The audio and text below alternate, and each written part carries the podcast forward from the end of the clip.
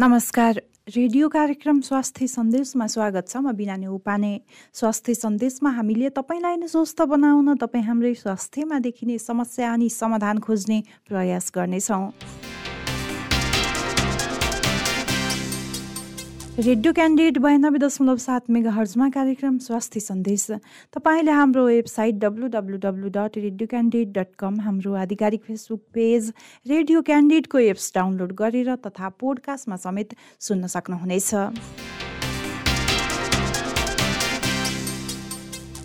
Immunology नवीन विज्ञान हो। सन् उन्नाइस सय उनासीबाट पत्ता लाग्न थालेका यी निदान गर्न जटिल रोगको समूहमा हालसम्म चार सय पचासीभन्दा बढी इम्युनिटीका जन्मजात रोगहरू छन् र हरेक रोगको आफ्नै निर्दिष्ट प्रस्तुति छ र निदान उपचार विधि पनि रहेको छ। सचेतनाको कमीले गर्दा हाम्रा जस्तै थुप्रै अविकसित देशमा यी रोग पीडित बच्चा अति बढी सङ्क्रमित भई विभिन्न उमेरमा ज्यान गुमाउन समेत परेको छ। बालबालिका थुप्रै चिकित्सक कहाँ पुग्छन् धेरै पटक थरी थरीको सङ्क्रमणको समस्या लिएर पुग्ने गरेका छन्। छालाको रोग बच्चा नबढ्ने समस्या रगत बग्ने वा आम आङ्गिक समस्या देखा पर्ने एकपछि अर्को एन्टिबायोटिक सेवन गर्ने एक्सरे सिटी स्क्यान जस्ता प्रविधिको उपयोग गरेर पनि रोग थाहा नपाउने खासै निको नहुने दर्जनौँ पटक भर्ना भएका पीडित बाँचिरहेका र ज्यानै गुमाएका समेत हुन्छन्। त्यसैले आजको स्वास्थ्य सन्देशमा हामी यसै विषयमा केन्द्रित हुँदैछौँ। इम्युनोलोजिकल औषधि हाम्रो शरीरमा कोभिड कोरोनाको भाइरस छिरिसकेपछि त्यसले इम्युन प्रतिक्रिया ल्याउँछ इन्फ्लामेसन ल्याउँछ सुजन ल्याउँछ त्यसले थुप्रै इम्युन विचलनहरू ल्याउँछ। त्यसको लागि त्यो औषधि दिइन्थ्यो। यस्ता औषधिहरू धेरै रोगहरू कुराहरूमा प्रयोग गरिरहेको छ र त्यसले त्यो मूल कारण जे छ त्यसलाई हामीले टार्गेटेड थेरापी भन्छौँ। टार्गेट जे कारण हो त्यही कारणमा गएर त्यसलाई हिट गर्ने र त्यसलाई उपचार गर्ने। यो कुरा इम्युनोलोजीमा हुन्छ। रेडियो क्यान्डिडेट बयानब्बे दशमलव सात मेगा हर्जमा कार्यक्रम स्वास्थ्य सन्देश। तपाईँले हाम्रो website W W W dot radio candidate dot com हाम्रो आधिकारिक फेसबुक पेज रेडियो क्यान्डिडेटको एप्स डाउनलोड गरेर तथा पोडकास्टमा समेत सुन्न सक्नुहुनेछ। बालबालिकामा सङ्क्रमण हुनु अस्वाभाविक होइन तर ब्याक्टेरिया भाइरस ढुसी प्रोटोजुवा किटाणु परजीवी जुका घातक यौगिक युक्त जीव या यस्तै जुनसुकै तत्त्वले सङ्क्रमण गरेको किन नहोस्? यिनीहरूलाई शरीरको प्रतिरक्षा प्रणालीले सकेसम्म निस्तेज पार्न खोज्छ। एकै प्रकारको या थरी थरीको सङ्क्रमण हुनु स्वाभाविक होइन। तर कतिपय बालबालिका किशोर किशोरी अवस्थामा धेरै पटकसम्म धेरैवटा सङ्क्रमण हुने हामीले देखेकै कुरा हो। बालबालिकाको कम वृद्धि विकास कहिले या लामो समयदेखि सँगसँगै विभिन्न प्रणाली जस्तै श्वास प्रश्वास स्नायु छाला रक्त प्रणालीको अङ्गमा देखिने गडबडी पनि बारम्बार देखिएको हुनसक्छ तर पनि कतिपय अवस्थामा समस्या पत्ता लगाउन नसक्दा धेरै हैरानी पनि खेप्नु परेको हुनसक्छ त्यसैले आजको स्वास्थ्य सन्देशमा हामी यसै विषयमा कुराकानी गर्दैछौँ। कुराकानी गर्नको लागि हामीसँग हुनुहुन्छ नेपालकै पहिलो इम्युनोलोजिस्ट तथा पेडियाट्रिक डाक्टर धर्मागत भट्टराई। स्वागत छ डाक्टर साहब स्वास्थ्य सन्देशमा। हजुर नमस्कार। धेरैजनाले चिन्नुहुन्छ अब नेपालको पहिलो इम्युनोलोजिस्ट डाक्टर भनेर। यो पहिलो डाक्टर बन्नको लागि चाहिँ अब कसरी सम्भव भयो सुरुवाती चरणमा? हजुर म भारतमै यो छात्रवृत्तिमै एमबिबिएस र एमडी एमडी भनेको स्नातकोत्तर पढ्दै थिएँ। र त्यो एमडी पेडियाट्रिक्स मैले जुन इन्स्टिच्युटमा गरेँ स्नातकोत्तर चिकित्सा अध्ययन संस्थान पिजिआई भन्छौँ हामीले। पिजिआई एमइआर चण्डीगढ त्यसमा पढ्दै गर्दा त्यो चाहिँ भारतको त्यस्तो एउटा इन्स्टिच्युट हो जहाँ सबभन्दा धेरै बाल रोग विज्ञानका पनि डिएम पढाइ हुन्छन्। र त्योमध्ये एउटा विषय थियो इम्युनोलोजी एन्ड पेडियाट्रिक रिमाटोलोजी हाम्रो बाल रोगको लागि। त्यति बेलादेखि नै अब अहिलेको जमानामा चाहिँ सुपर स्पेसलाइज सब्जेक्ट पनि पढिनुपर्छ भन्ने कुरा त अहिलेको समयले नै मागिसकेको कुरा हो र मैले त्यहाँ एमडी पेडियाट्रिक्स पढ्दै गर्दाखेरि मलाई सबभन्दा बढी रुचि लाग्ने ग्यास्ट्रोइन्ट्रोलोजी र इम्युनोलोजी थियो। अनि भाग्यवश मैले यसमा सेलेक्ट हुन पाएँ। यो दक्षिण एसियामा डिएम यो विषयमा डिएम पढाइ हुने इम्युनोलोजी एन्ड पेडियाट्रिक रिमाटोलोजीमा डिएम पढाइ हुने त्यो एक मात्रै इन्स्टिच्युट हो। र त्यहाँबाट म दुई हजार चौधमा सुरु भएको त्यो कोर्स मा म चाहिँ उत्तीर्ण हुने नाइन्थ क्यान्डिडेट पनि हो। त्यसरी मैले त्यो ठुलो इन्स्टिच्युटबाट चाहिँ डिएम सम्पन्न गरिसकेपछि दुई हजार बिस जुलाईमा नेपाल आएको। यो सब्जेक्ट पढ्छु भनेर पहिलेदेखि योजना बनाउनु भएको थियो कि अब त्यहाँ गइसकेर पढ्न थालिसके पछाडि चाहिँ आयो? हजुर एमडी पेडियाट्रिक्स सेलेक्ट गर्दाखेरि मलाई बच्चा मनपर्ने भएर मैले पेडियाट्रिक्स सेलेक्ट गरेको हुँ। तर त्यति बेला मैले सुपर स्पेसलाइजेसन गर्छु कि गर्दिनँ अथवा गरेँ भने के विषयमा गर्छु भन्ने चाहिँ मैले त्यति बेलै मेरो मनमा थिएन। तर जति बेला मैले बालरोग विज्ञान पढ्दै गएँ अनि मलाई कुनै पनि कुरा पर्फेक्सनसित गर्ने र त्यसको मूल जरोमा पुगेर त्यसको अनुसन्धान गर्ने र तार्किक बहस गर्ने बानी पहिलेदेखि थियो र हाम्रो बालरोग विज्ञानमा मात्रै होइन अहिले संसारका जति पनि हजुरले रोगहरू त्यसको निदान त्यसको उपचार हेर्नुभयो भने अहिले सबभन्दा बढी चर्चामा र सबभन्दा बढी फोकसमा आएको सब्जेक्ट भनेको इम्युनोलोजी र जेनेटिक्स हो। र इम्युनोलोजी किन फोकसमा आउँछ भने इम्युनोलोजीले होस्ट भनेको हामी जस जसको शरीरमा बिमार हुन्छ त्यो होस्ट भयो।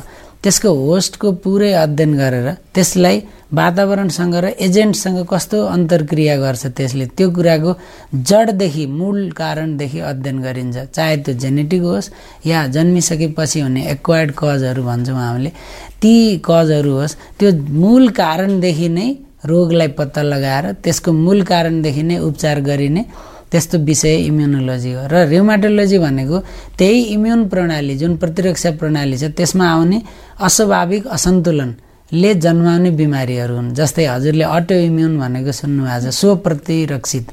त्यो स्व प्रतिरक्षित बिमारी होस् या स्व सुजन जसलाई हामीले अटो इन्फ्लामेटरी भन्छौँ ती सबै बिमारीहरू र्युमाटोलोजिकल डिजिज हुन्। तिनीहरूको मूल कारण इम्युन असन्तुलन नै हो। यो कुराले मलाई आकर्षित गरेको थियो। त्योभन्दा पहिला मलाई ग्यास्ट्रोइन्ट्रोलोजी पनि रुचि नभएको होइन। तर जति बेला म इम्युनोलोजीको गहिराइमा पुग्दै गएँ र ती टेक्स्ट बुकहरूमा त्यो कुरा पढ्दाखेरि मलाई यो कुराले नै सबै कुराको व्याख्या गर्ने एउटा जड कुरा त यो रहेछ भनेर त्यसरी म आकर्षित भएको हुँ। भलै यो नयाँ विज्ञान हो। हाम्रो आइयुआइएस क्लासिफिकेसनको यो प्राइमरी इम्युनोडेफिसियन्सी डिजिज भन्छौँ। अहिले त्यसको नामाकरण इनबर्न इरर अफ इम्युनिटी भनेको जन्मजात हुने इम्युनिटीका रोगहरू।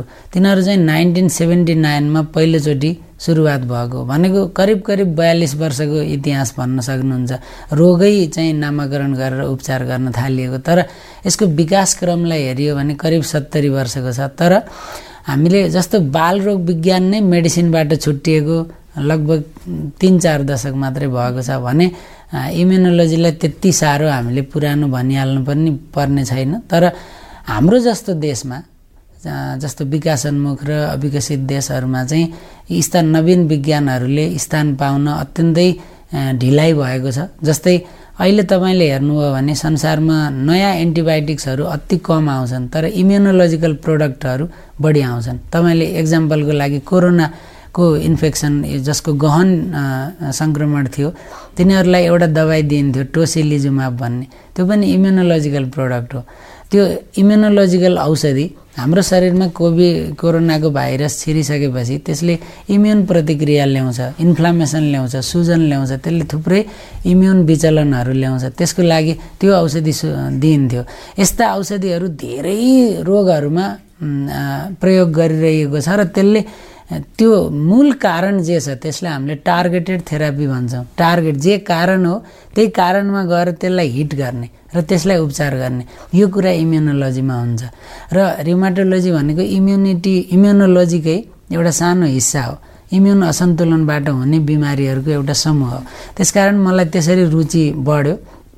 र आफूले पढेको जुन संस्थान थियो स्नातकोत्तर संस्थान त्यसमै यो विषयको डिएम पढाइ हुने हुँदा एमडी पिरियडमै मलाई यसको लगभग दुई तिन महिनाको हामीले एक्सपोजर पाउँछौँ हरेक युनिटमा त्यति बेला जति बेला म यो युनिटमा पोस्टिङ सुरु भयो त्यति बेला म साह्रै हर्षित महसुस गरेँ र मैले सोचेँ सायद मेरो भित्री इच्छा नै यही हो मेरो इकिगाई नै यही हो। म यसैमा खुसी हुन सक्छु। यसले मलाई सेटिस्फ्याक्सन दिन्छ। चाहे यसमा मलाई सङ्घर्ष जतिसुकै गर्नु परोस् मलाई थाहा थियो यो विषय पढेर आउँदा नेपालमा कोही पनि हुनेवाला छैन र मैले ठुलो सङ्घर्ष गर्नुपर्ने छ इभन चिकित्सकहरूको माझमा पनि म पुग्नुपर्ने छ जनताहरूमा सचेतनाको लागि मैले ठुलो मेहनत गर्नुपर्ने छ यस्ता बिमारी पनि हुन्छन् है भनेर मैले बताउनुपर्छ भन्ने मलाई पहिले थाहा थियो। तर चुनौतीसित लड्नु नै रमाइलो हो भन्ने मानेर मैले चुज गरेको। पक्कै पनि डाक्टर साहब कुनै पनि नयाँ खोज भनौँ अथवा नयाँ कुराको लागि नयाँ कुरा देखाउनको लागि त्यसको पछाडि देखाउनु भन्दा पनि चुनौती सबैभन्दा धेरै हुने गर्छ होइन? अब यहाँ बाहिर गएर नेपालकै पहिलो डक्टर बनेर आउनु भएको छ यो विषयमा। नेपालमा आइसके पछाडि चाहिँ अब यो समस्या अब यो विषयलाई बुझाउनको लागि भनौँ अथवा जुनसुकै अस्पतालमा गएर पनि यस्तो समस्या हुन्छ भनेर भन्नको लागि चाहिँ कति सङ्घर्ष गर्नु पऱ्यो सङ्घर्ष त जारी नै छ। म सबभन्दा पहिला दुई हजार बिस जुलाईमा आएँ कोरोनाको पिकमा आएको थिएँ। त्यति बेला मैले थुप्रै सरकारी र निजी संस्थानहरूमा एप्रोच गर्दा कसैले एक्सेप्ट गर्नुभयो कसैले गर्नु भएन। तर मेरो इच्छा के थियो भने म प्राज्ञिक रूपमा बढी जागरुक र ओरिएन्टेड मान्छे हो। पहिलेदेखि मैले थुप्रै अन्तर्राष्ट्रिय जर्नलहरूमा थुप्रै आर्टिकलहरू नि पब्लिस गरेको छु र म लेख्न रुचाउँछु पढाउन रुचाउँछु। हाम्रै सञ्चार माध्यमहरूमा पनि मैले लेखन माध्यमबाट थुप्रै यस्तै सचेतनाका आर्टिकलहरू प्रकाशित गरेको छु। चुनौती त थुप्रै छन् किनभने नयाँ विज्ञान हो सबैलाई यसको ज्ञान छैन। अनि सबैलाई जनतालाई मात्रै होइन मैले देखेको म सुरुमा आउँदाखेरि यस्तो पनि रोग हुन्छ र भन्ने खालको एउटा माहौल थियो भने अहिले दुई वर्ष पछाडि यस्तै हजुरहरूले चलाउनु भएको प्रोग्रामहरूदेखि लिएर मैले लेखेका आर्टिकल अनि संसारमा अहिले बढ्दै गएको सचेतना यो सबैले गर्दाखेरि अहिलेसम्म मैले आठ सयभन्दा बढी बच्चाहरूलाई यो बिमारी डायग्नोसिस गरेर उपचार गरिरहेको छु हाम्रै देशमा। अनि कतिपय त दुर्लभ रोगहरू पनि यो बिचमा डायग्नोसिस गर्न सफल भएँ। अब यसमा चुनौतीको कुरा गर्दाखेरि त्यसलाई कसरी लडेको भन्दा अरू त मसँग म एक्लो व्यक्तिसँग के नै हुन्छ र यसका यसको सबभन्दा सजिलो के हुन्थ्यो भने सरकारी निकायहरूले हाम्रो देशमा विज्ञानलाई त्यति चाँडो आत्मसात गर्दैनन्। हाम्रो समाचार तपाईँले सुरुदेखि लास्टसम्म कुनै टिभी च्यानलको अथवा कुनै पत्रिकाको हेर्नुभयो भने त्यहाँ लगभग आधाभन्दा बढी राजनीतिक न्युजले भरिएको हुन्छ। हामी एक्सपर्ट ओरिएन्टेड न्युजमा ओरिएन्टेड छैनौँ जस्तो हजुरले विकसित देशहरूको समाचार माध्यमलाई हेऱ्यो भने पनि। त्यसकारण त्यसमा पनि मैले स्थान पाइनँ। अनि प्लस जस्तो कुनै निकायमा जस्तै प्राज्ञिक संस्थानहरूमा म भएँ भने पनि मैले थुप्रै एमबिबिएस स्टुडेन्टलाई एमडी स्टु गर्दै गर्नुभएका चिकित्सकहरूलाई यो कुरा बताउन पाउँथेँ। अझै अझै चाँडो मेरो अभियान सफल हुन्थ्यो। त्यसमा मैले पाएको छैन। सायद फ्युचरमा पाउँछु होला। तर अहिलेसम्म मैले गरेको भनेको मैले अन्तर्राष्ट्रिय पबमेड इन्डेक्स जर्नलहरूमा आफ्नो अनुसन्धानहरू पब्लिस गरिरहन्छु पहिलो। दोस्रो हजुरहरू जस्तो सरिदय र स्वास्थ्यको चेतना नेपालमा अझै कमी छ बढ्नुपर्छ भन्ने चेत लिनुभएका थुप्रै खोजमूलक पत्रकारिता गर्नुभएकाहरू आउनुहुन्छ। उहाँहरूले इन्फर्मेसन लगाएर पब्लिकको सामु राखिदिनुहुन्छ। त्यही त्यही न्युज नै पढेर आएँ म डक्टर भनेर भन्ने बिरामीहरू मसँग मनज्ञ छन्। त्यस्ता थुप्रै उदाहरणहरू हजुरहरू जस्तैले नै सायद मलाई लाग्छ सञ्चार सबभन्दा ठुलो पावरफुल शक्ति हो। र यस्ता पोजिटिभ कुराहरू हाम्रो मैले पत्र पत्रिका देख्छु सुरुको लादेखि लास्ट पेजसम्म हाम्रो नकारात्मक सन्देश भएका लगभग बिस तिस प्रतिशत न्युज हुन्छ। तिनैको माझमा हामीले हजुरहरूले अहिले यो यो मात्रै होइन सबै जुनसुकै नयाँ विज्ञान नेपालमा आएका छन् अहिले सोलिड अर्ग्यान ट्रान्सप्लान्टेसनदेखि लिएर बोन म्यारो ट्रान्सप्लान्ट मेरो विषय इम्युनोलोजी अरू थुप्रै कलेज विज्ञान आएको छ थुप्रै आएका छन्। यस्ता कुराहरू पस्किँदै जाँदाखेरि जनचेतना पनि बढ्दो छ। अब कुनै एउटा बच्चामा एउटाभन्दा बढी प्रणाली एकैचोटि अथवा सिरियल्ली चाहिँ प्रभावित भएको छ भने त्यसमा हामीले त्यो लक्षणलाई मात्रै उपचार गरेर हुन्न त्यसको जरैमा जानुपर्छ भन्ने बुझेरै त्यो दुर्लभ रोग भएका आमा बुवा पनि म कहाँ आउनुभएको भनेपछि केही न केही त भएको छ। त्यसकारण मुख्य कुरा हजुरको प्रश्नमा मैले जवाफ के देख्छु भने सायद सञ्चार माध्यम अनि मैले गरेका प्रकाशनहरू मेरा केही भिडियोहरू छन्। म आफ्नो तर्फबाट कतिपय ठाउँमा वेबिनारको माध्यम वेबको माध्यमबाट अनि केही कलेजहरूमा गएर क्लास पनि लिएको छु। अनि त्यसरी र अनि मैले गरेका प्रकाशन चाहे त्यो मेडिकल जर्नल होस् या नेपाली भाषाका आर्टिकलहरू हुन् मैले अहिलेसम्म गर्न पाएको त यही नै हो। मैले यसैमा जोडिहालेँ डाक्टर साहब होइन? अब नेपालको सरकारी तवरबाट भनौँ अथवा स्वास्थ्य मन्त्रालयले पनि अब जो नयाँ सब्जेक्टमा चाहिँ एमडी गरेर आउनुहुन्छ जो नयाँ डक्टर बनेर आउनुहुन्छ नयाँ सब्जेक्टमा चाहिँ डक्टर बनेर आउनुहुन्छ नि त्यति रेस्पोन्स हुँदैन भन्ने आइरहेछ क्या डाक्टर साहब। यसको वास्तविकता चाहिँ के पाउनुभयो यहाँले? अब म नीति नियमको लेभलको कुरा त मलाई त्यति धेरै थाहा भएन तर मैले आफैले भोगेको कुरा चाहिँ के हो भने म दुई वर्ष भन्दा बढी नेपालमा छु। मेरो यो विशिष्टीकृत विज्ञता पछाडि र स्वास्थ्य मन्त्रालयदेखि लिएर सबै नेपालका उच्च सरकारी र निजी संस्थानहरूका उच्च व्यक्तित्वहरूसँग मैले भेटेको छु। तर सायद यसको सचेतना भन्दा पनि यो विषय नेपालको लागि कति महत्त्वपूर्ण छ? संसारमा यसको कति विकास भएको छ? र अहिले संसारमा हजुरको नयाँ औषधिहरू हेर्नुभयो भने सबै इम्युनोलोजिकल प्रोडक्ट हुन्छ भ्याक्सिनेसनको रोल छ इन्टरफेरेन्टको रोल छ इमि इन्ट्राभेनस इम्युनोग्लोबुलिन सबक्युटनेस इम्युनोग्लोबुलिन जस्ता उपचार पद्धतिहरू अहिले के अरे भरभराउँदो भएर आएका छन् भन्ने कुरा। अनि त्यो मात्रै होइन कुनै पनि बिमारी जरैदेखि त्यसको निदान गरिने हाम्रो चलन पनि नभएर हो कि र अर्को कुरा मैले प्रष्ट रूपमा देखेको सरकारी तवरमा चाहिँ हामी कहाँ कुनै सकारात्मक नवीन विज्ञान आयो भने त्यसलाई आत्मसात एकदमै ढिलो गरिन्छ। हामी चाहिँ देखासेखी अरू कुरामा चाहिँ गर्छौँ।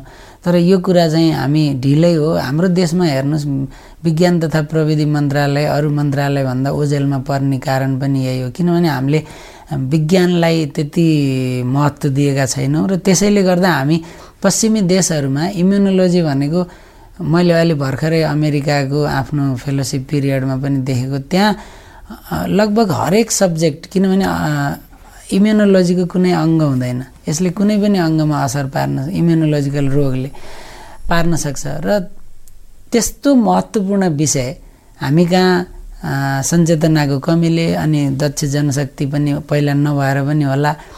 त्यो चाहिँ हामीले बुझाउन सक्नुपर्छ। उहाँहरूको गल्ती पनि छैन।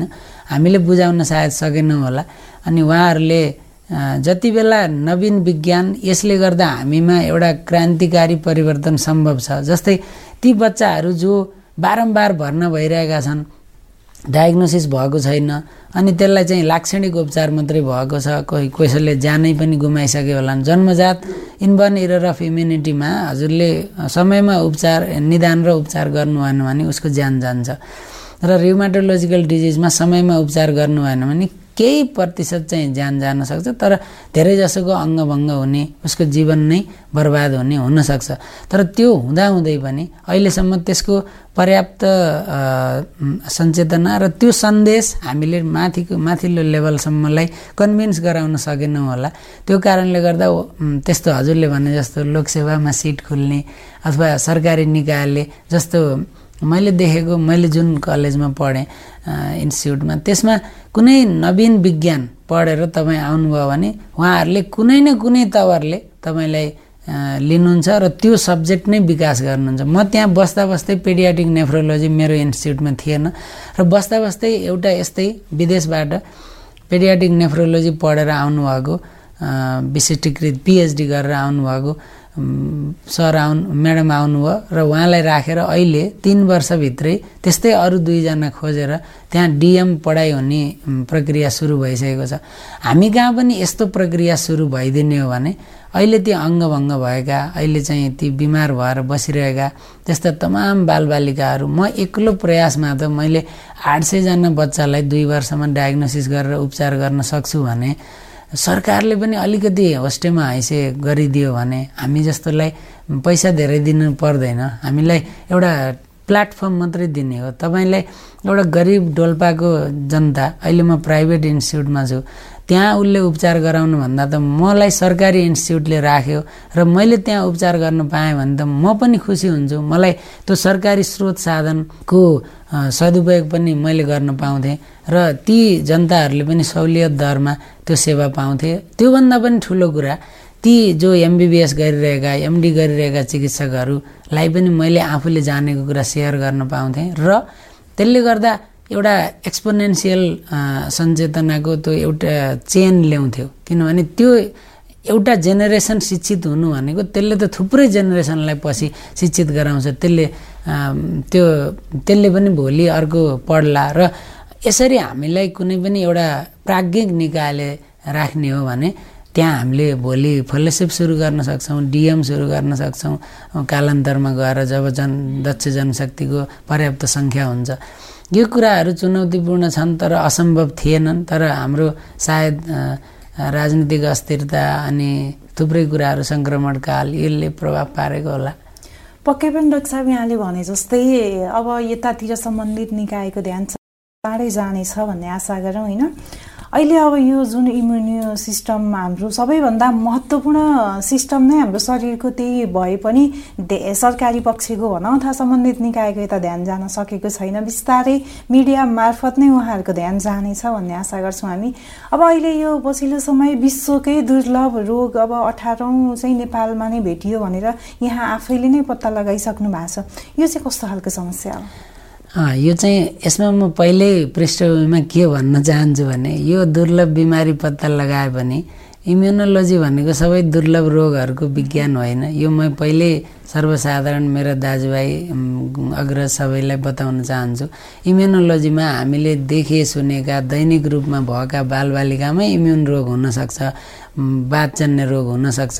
त्यो कुरा चाहिँ क्लियर हौँ। तर त्यही डायग्नोसिस गर्ने गर्दा गर्दै गर्ने क्रममा एउटा दर्जनौचोटि थुप्रैचोटि उहाँको बुवाले त सत्तरी असीचोटि एडमिट भयो भन्नुभएको थियो।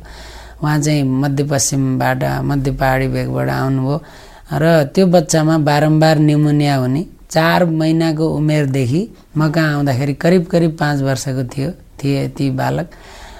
बारम्बार चाहिँ निमोनिया हुने बारम्बार कान पाक्ने र त्यसमा विशेष गरी हुने भनेको छालामा विशिष्ट प्रकारका घाउहरू हुने चिलाउने प्रकारका घाउ हामीले त्यसलाई एक्जेमा भन्छौँ। अनि रगतको कमी त्यसमा पनि प्लेटलेटको कमी सबभन्दा बढी। लगतमा तिन प्रकारका कोष हुन्छन् सेता रक्तकोष राता रक्तकोष र प्लेटलेट। त्यो प्लेटलेटको कमी हुने। त्यो प्लेटलेट कमी हुने बित्तिकै हजुरको शरीरमा विभिन्न ठाउँबाट ब्लिडिङ हुन्छ जस्तो गिजाबाट पिसाबमा रगत आउँछ दिशामा रगत आउँछ ऊ बाबुको त्यस्तै भएको थियो। अनि छालाका घाउ यस्ता रगत बग्ने समस्या अनि बारम्बार सङ्क्रमण। अनि त्योसँगै उसको कहिले पाचन नहुने डाइरिया हुने कहिले चाहिँ शरीरमा गाँठा गुठीहरू लिम्फका ग्रन्थीहरू सुन्निने र राता राता शरीरमा धब्बाहरू आउने ठुला ठुला त्यसलाई हामीले भास्कुलाइटिस भन्छौँ। त्यो इम्युन डिसरेगुलेसनले हुन्छ। यो बिमारी हामीले सुन्ने बित्तिकै यसमा चाहिँ एकदम कम पहिला त डाक्टरले कमन बिमारी सोचिन्छ। यो इम्युन कमीको रोग हो भन्ने कुरा सोच्न मलाई बेरै लागेन। तर यिनै सिम्टमहरू भएको एउटा रोग हुन्छ विस्कट एलरिच सिन्ड्रोम भन्ने। मैले चाहिँ सुरुमा त्यो अत्यन्तै कमन इम्युनोलोजीमा कमन बिमारी हो।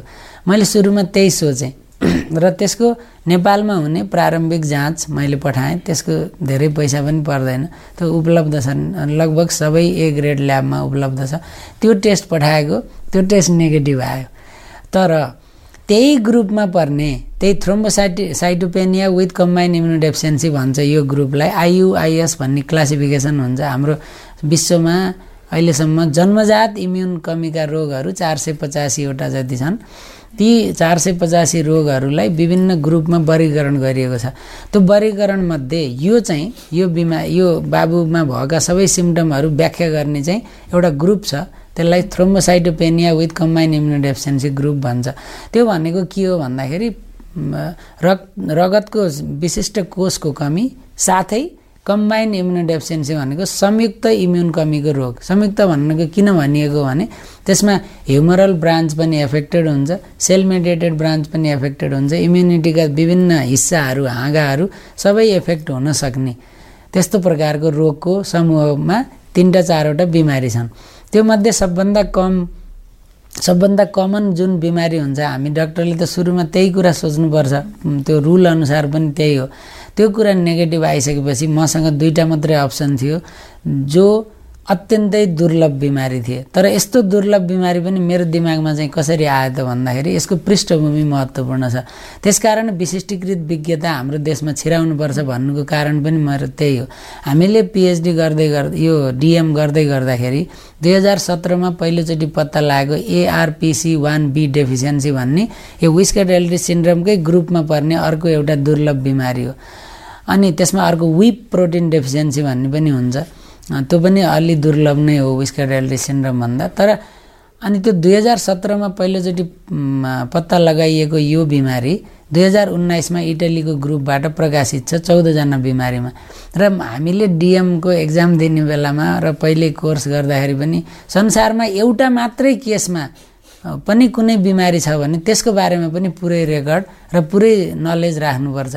त्यो हाम्रो पढाइको एउटा हिस्सा हो। त्यसमा हजुरले टेक्स्ट बुक मात्रै पढेर हुँदैन। टेक्स्ट बुक पछाडि एउटा मात्रै अथवा कुनै पनि कुरा जस्तो पद्धतिमा तपाईँले जाँच गर्ने पद्धतिमा पनि कुनै एउटा सानो परिवर्तन आयो भने पनि हामी त्यसमा अपडेट हुनैपर्छ खासमा यो भन् यो कुरा त म बुढेसकाल लाग्ने बेला बुढेसकालमा जहिलेसम्म बिरामी हेर्छु तबसम्म म अपडेट रहिरहनुपर्छ यो रुल हो।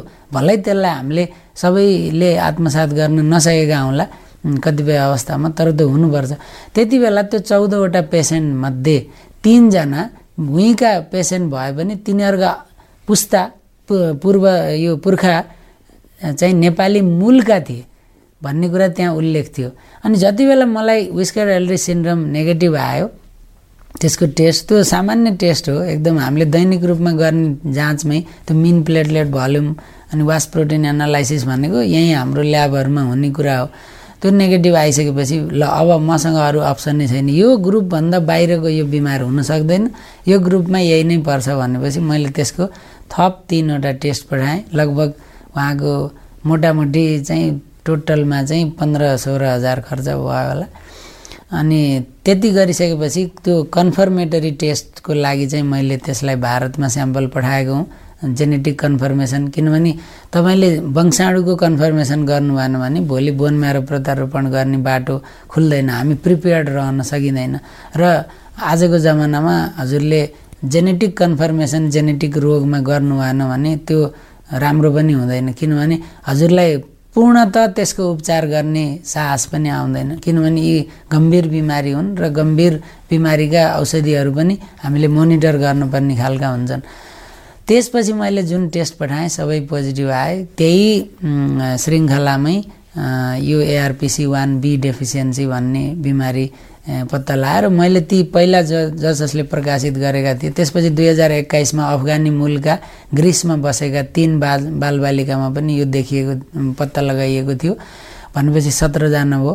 यो अठारौँ बच्चा हो यो पनि पब्लिकेसनको क्रममा छ। र मैले ती जो व्यक्तिले यो डायग्नोसिस गरे तिनीहरूमा त मसित भन्दा अझ बढी अनुभव भयो र तिनीहरूलाई मैले पत्राचार पनि गरेँ र यो यो बच्चाको बुवाको लागि के गर्न सकिन्छ? किनभने यो बिमारीमा हजुरको पचास प्रतिशत जतिलाई चाहिँ औषधिले सन्चो भए पनि पचास प्रतिशतमा नहुने सम्भावना प्रबल छ र त्यो त्यस्तो अवस्थामा चाहिँ त्यसको अन्तिम अस्त्र र सबभन्दा अचुक अस्त्र भनेकै बोन म्यारो प्रत्यारोपण हो। त्यसको लागि हाम्रो अहिले हामीसँग भौतिक पूर्वा म त्यसैमा ट्रेन्ड भएर आएको हुँ तर अहिले चाहिँ त्यो पूर्वाधार नभएको कारणले उसलाई चाहिँ कसरी गर्न सकिन्छ भन्ने प्रयास गरिरहेका छौँ। उहाँसँगको कुराकानी बाँकी नै छ। उहाँसँगको कुराकानी भोलिको कार्यक्रममा लिएर उपस्थित हुने नै छौँ।